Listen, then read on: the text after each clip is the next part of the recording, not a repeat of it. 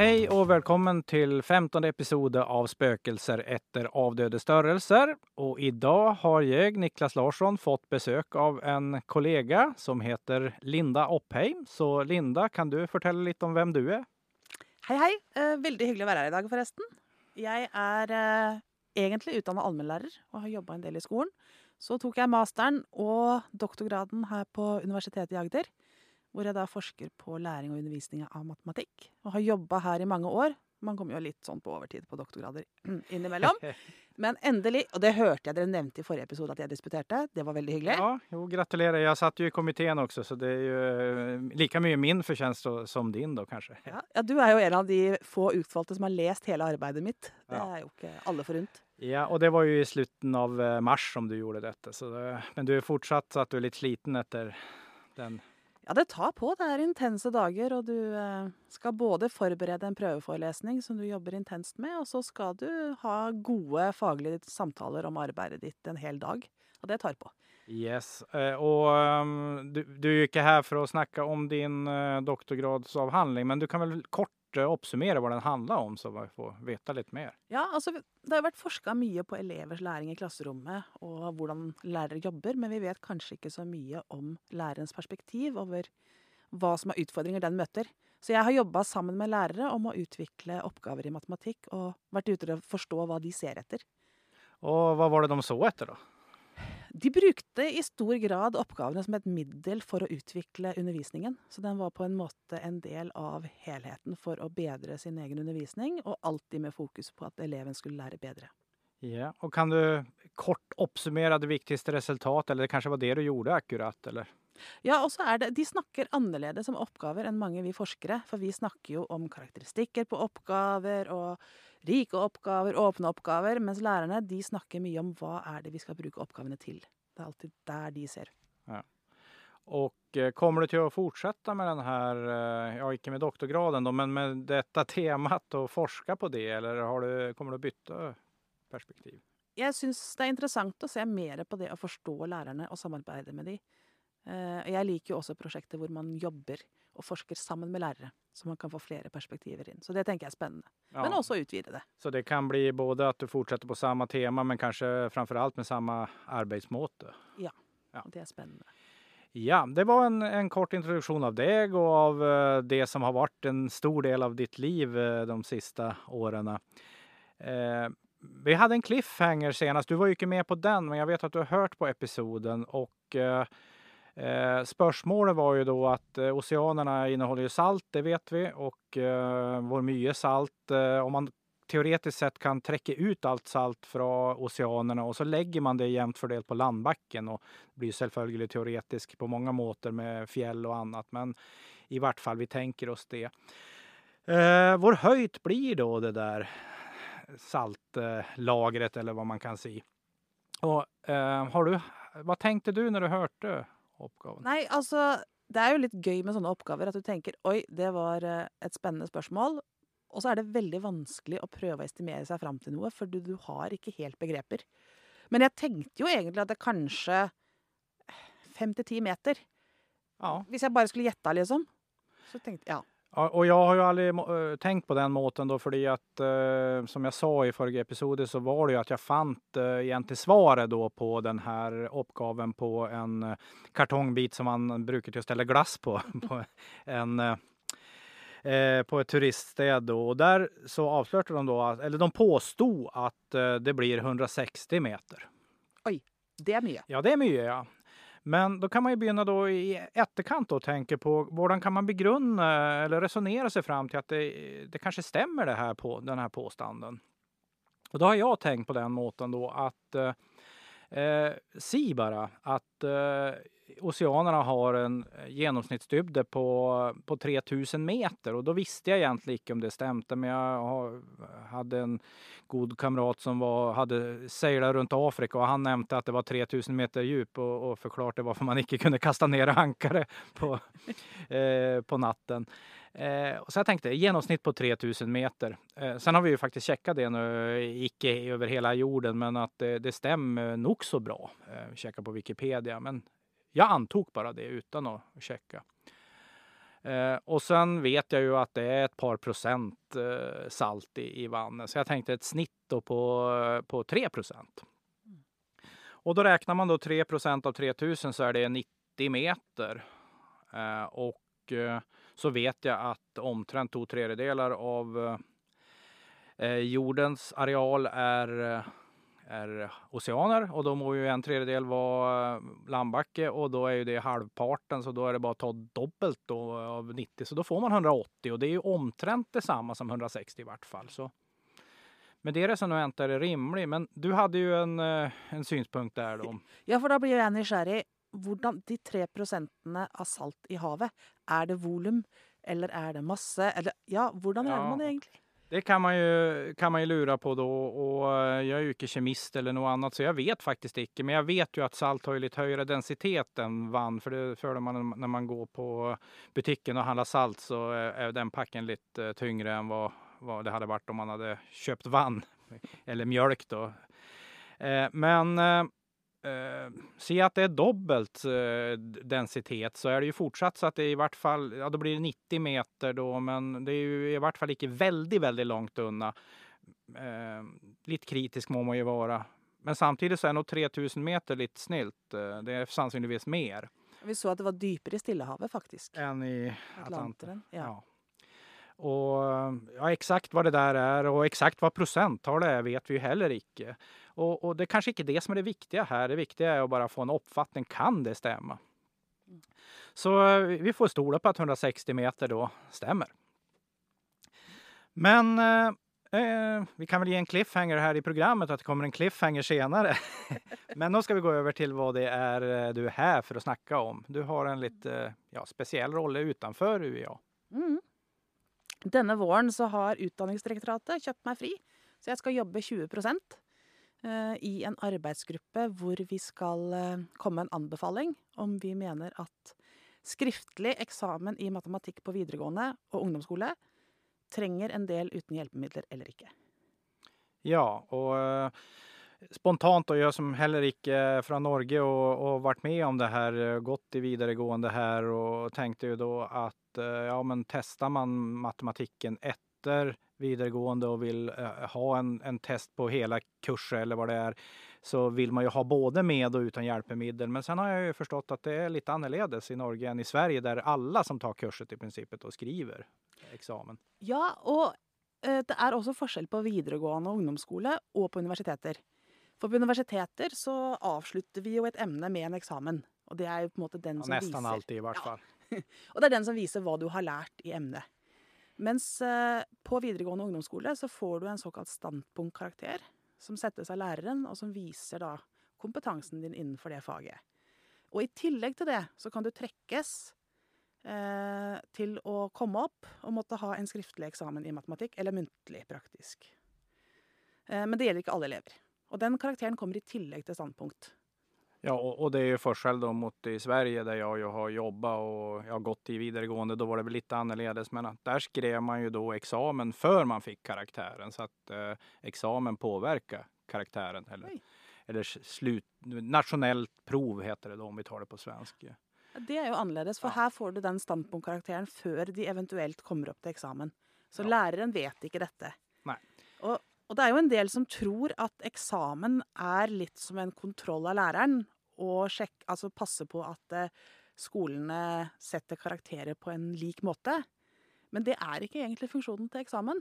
Den, Nei, det, det er en viktig funksjon i Sverige faktisk. At man eh, får se at snittet, hvordan det beveger seg mellom to år og, og så, Og at skolens snitt i karakter og skolens snitt i karakter på nasjonale prøven, at de ikke er helt forskjellige.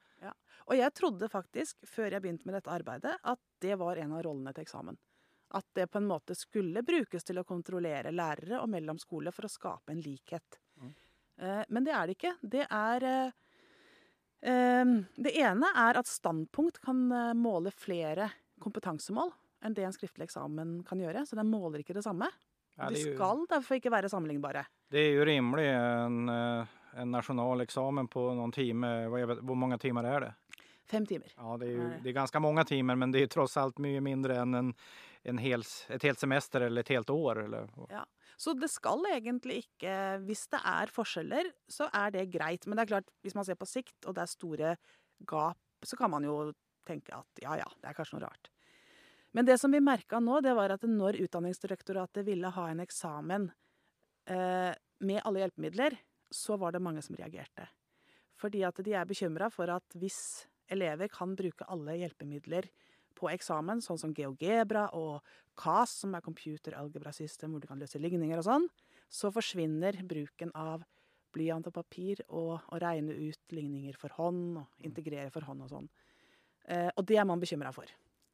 Ja, og det kanskje man skal være bekymra for om det er så at det vore det som var testen av dette, da. Men det har jeg forstått i dag.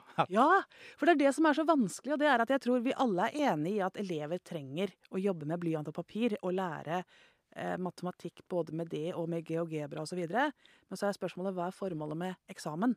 Ja. Der er ikke nødvendigvis formålet å teste alle slike ting. Nei. Um, og der er, der er formålet at eleven skal kunne vise så mest mulig kompetanse i så stor bredde av faget som mulig. Så det skal være mulighet for eleven til å vise hva den er god til. Og da skulle man teoretisk sett kunne tenke seg at man hadde en eksamen helt uten hjelpemidler i stedet, da? I teorien. Men det eneste er at de skal jo også kunne beherske digitale verktøy. Men i teorien, ja, så kunne man Ja, utelatt for da det fra tester man digitale verktøy i løpet av eh, vanlige kurset og, og får det i standpunktskarakter, og sen eh, kommer den nasjonale prøven på noe annet, da. Ja, Det er egentlig sant. Men det, jeg tror det er vanskelig, fordi at det før så har jo vært Eksamen har jo vært eh, at man prøver mange ulike oppgaver av pensum eh, som man får prøvd seg i. Men, og det å da fjerne en del uten hjelpemidler eh, Da er man redd for at lærere da slutter å undervise den biten. Mm, så Eh. man tenker at selv om uten hjelpemidler fortsatt inngår i kurset og utdanningen, så slutter man med det bare fordi at det ikke kommer på nasjonale prøven. Ja. Og den er vanskelig, fordi vi vet jo at lærere Og det, det er jo naturlig, du vil det beste for dine elever. At du underviser til noe som også vil hjelpe dem på eksamen. Men samtidig så vet vi jo alle at det å variere i måter å jobbe på, altså blyant og papir og KAS og sånt, er bra for læring. Og ja, GeoGebra har jo både KAS og at det har en type av eh, algebra-vindu som man eh, kan løse mer grafisk i, eh, eller få numerisk eh, Mm. løsning på problemer. Og så vet vi jo at dette handler veldig mye om klarer vi å lage gode oppgaver. For, for lager vi gode oppgaver, så kan det fungere både med og uten hjelpemidler. Men er oppgavene dårlige, så blir eksamen dårlig. Ja, det, å ha gode oppgaver er vel A og O eh, i mange sammenhenger. Det er eh, Multiple choice er jo ikke så veldig vanlig i eh, Norge eller Sverige, hva, jeg vet. Eh, men kanskje vanlig i andre land. Og til og med multiple choice kan vel faktisk fungere nokså bra om spørsmålene er tilstrekkelig gode. Ja, og de legger faktisk opp nå fordi at eh, eksamen skal, skal distribueres og leveres digitalt. Mange har jo da trodd at man også skal eh, gjøre alt digitalt. Men man kan regne på hånd og ta bilde av det og levere det. Eh, så det er bare at den skal sendes ut til elevene digitalt, og de skal levere den digitalt. Men de kan bruke blyant og papir og gjøre utregninger og GeoGebra og switche mellom det. Og eh, vurderingen sen, blir den digital på noen måte, eller er den helt eh, manuell da, at det er en, en person som kommer å sitte og gjøre den? Den er manuell. Ja. Det er en og den oppgaveformen som er nå, så vil de gjøre noen oppgaver som kan være multiple choice. Men de eksempeloppgavene jeg har sett, har vært ganske gode likevel. Nej, för det är ju kanskje kanske ett steg lenger längre då att komma till senare om det är möjligt att få en del som faktiskt också värderas digitalt. Men då är det ju väldigt viktig viktigt vad är det man kan checka där då eh, eh, checkar man bara svar då kommer ju allt det här med løsning og, och hvordan man har arbeidet og slurvefeil slår jo veldig brutalt. Man ser jo bare om det er rett eller feil. Og det kommer nok nå en del utfordringer for sensorene også, fordi det skal være noen oppgavetyper som skal være mer åpne. Ja. Og det gjør det jo vanskeligere for sensorene å kunne vurdere det. Ja, det gjør det ju. Så eh, det blir nok en jobb eh, med sensorskolering og testing der også. Samtidig det her med digital värdering eh, så jobber man jo for å få den bedre, at den ikke bare skal vurdere svar. Men er det mulig da å se på steg i løsningen? Och jag är själv lite involverad i det. Vi skal ikke utdype det mer, men det, er jo interessante intressanta saker for framtiden også. Och få bort kanskje en del av vurderingen som man må gjøre på. Det er spennende, og det skulle jeg gjerne høre mer om. Men jeg tenker det er litt vanskelig, fordi de har testa en del av oppgavene her eh, vitenskapelig. Og de ser at selv om de bare gir svaret på multiple choice osv., så, videre, så fungerer de. De skiller mellom ulike nivåer på elevene, og elevene er ganske fornøyde. Men samtidig, hvilke signal sender vi når vi ikke er interessert i å se prosessen deres for svaret? Så, det sånn, så på en måte fungerer oppgavene, Mm. men samtidig så sier vi jo noe om at det bare er svaret som betyr noe. Ja, Det er och, vanskelig. och eh, då kan vi ju igen då tänka att ja, det kanske är eh, den nasjonale nationella pröven kanske är nog om man målar svaret då och att det andra ska göras i löpet av året. Man kan ju tänka på den måten. Det kanske inte är bra, men det, det är en mulighet. Det er mange måter å tenke på, og jeg tror det er litt viktig at Men jeg tror det er en viktig debatt å ha, i stedet for at vi bare gjør. At det kommer sånne debatter hvor vi går dypt inn i disse diskusjonene. Ja, hva bruker man? Det, det var jo som du sa at ikke en gång du som har gått videregående i, i Norge visste rollen av den eh, nå. Det var jo et par år siden du Ja. gikk ut og jeg visste det heller da ikke. Så, eh, bli bevisst om rollen der og hvordan den styrer og hva man skal gjøre med utandningen. Ja, er spennende. har du noe mer så å si om dette? Vi skal levere rapporten eh, 15. juni, anbefalingen vår. Och hvilke er dere? Vi er en arbeidsgruppe på syv personer som er eh, De har jo da utnevnt personer på vegne av en del av de organisasjonene som kritiserte Utdanningsforbundet Nei, Utdanningsdirektoratet, mener jeg. Ja. eh, for å ha en del uten hjelpemidler. Så vi er en representant fra Norsk matematikkråd, som jobber i eh, uni- univ- universitets- og høyskolesektoren. Så er det en representant for Utdanningsforbundet, og fagforening. En for Lektorlaget, som også er fagforening. Eh, Norsk tjenestemannslag. LAMI, som er landslaget for matematikk i skolen. Og så har Utdanningsdirektoratet bedt én lærer i videregående og en eh, som jobber i UH-sektoren om å være representanter, og det er meg fra UH-sektoren og en lærer fra videregående. Ja. Men jeg fikk eh, lov til å jobbe som fri fagperson, og fikk ikke retningslinjer for hva jeg skulle mene. Og det var viktig for meg. Så det er du som kommer til å bestemme dette, da? Ja, jeg, kommer til, jeg, jeg kommer til å skrive under på et papir jeg kan stå for. Men vi må jo finne kompromisser, for vi er jo, vi er jo syv Ja, er jo stykker som ikke er enige med alt. Ja. Så vi må finne den måten Du sitter ikke som representant for meg bare fordi at vi jobber på samme universitet. jeg, jeg får lov. men sen kanskje du har snakket litt om det og hørt hva andre tenker også. Altså, det er jo viktig Altså, jeg tenker Dette her er jo fremtiden til eh, norsk ungdom og skolesystemet. Det er viktig. Og dermed også til vår jobb som lærerutdanner. Ja. Så for meg så betyr det at vi kommer fram til noe som jeg kan stå inne for, og som er best mulig. Eh, og det er formålet mitt. Uansett hvilken vei det går. Og rapporten, hva sa du, den kommer på? Vi skal levere den til Utdanningsdirektoratet 15.6, og da tenker jeg de kommer til å publisere den på sine sider. Ja. Så da får vi se da hva som skjer. Ja, Hva Ja. vi anbefaler, og hvorfor. Så bra. Men eh, skal vi gå videre og se om vi kan finne en ny cliffhanger? Eh, har du dusja i dag? Ja, det var jo personlig spørsmål, ja. Ja, det var et personlig spørsmål, men eh, jeg har også dusja da. Jeg dusja når jeg kom til jobben da, etter en promenad hit. Eh, og jeg tenker da hvor mye vann det kommer ur en dusj. Og man sammenligner det med Jeg har jo vært i Vietnam og litt andre land også, men eh, husker da at det kom regn som var noe så her helt vanvittig. Eh, Så det, kom hver kveld da jeg var i Vietnam, Halong Bay, eh, omtrent klokka ni tror jeg. Og så var det en time når man ikke en gang tenkte på å gå ut. Og sen ble det eh, bedre da. Men om man sammenligner det med en dusj, kommer det mer vann i dusjen, eller kommer det mindre vann i dusjen, eller hvordan er det? Vi skal jo ikke gi svaret på oppgaven, men hva Ja. tenker du? Altså, Det første jeg tenkte når du sier det, er at det er stor forskjell på dusjer. Jeg har vært en, noen ganger i England, og der blir jeg litt sprø, for det er nesten ikke trykk i dusjen. Og når jeg hadde langt hår, så følte jeg at det tok en halvtime å få sjampoen ut av håret igjen. Så eh, hvis du er i England, så tenker jeg at det må være dårligere enn i Thailand. Ja. Men uh, i Selv om England, England, Regnland er jo kjent for sitt vær. Ja, det er mulig at det Ja. Men innendørs i dusjene så er de helt elendige. Ja. Men trykket hjemme i min dusj Jeg liker å ha litt trøkk. Ja. Så der er det Der tror jeg vi overgår Thailand, faktisk. Kanskje. Ja, det, det er vanskelig, Kanskje. for du, du har vel aldri testa å, øh, vaske hår i, i uh, regn, kanskje? Nei. Det, men det er noen ganger du føler at det hadde funka, for det kommer mye Det kommer jo veldig Du blir vå- gjennomvåt med en Ja, gang i sånt det. vær. Ja.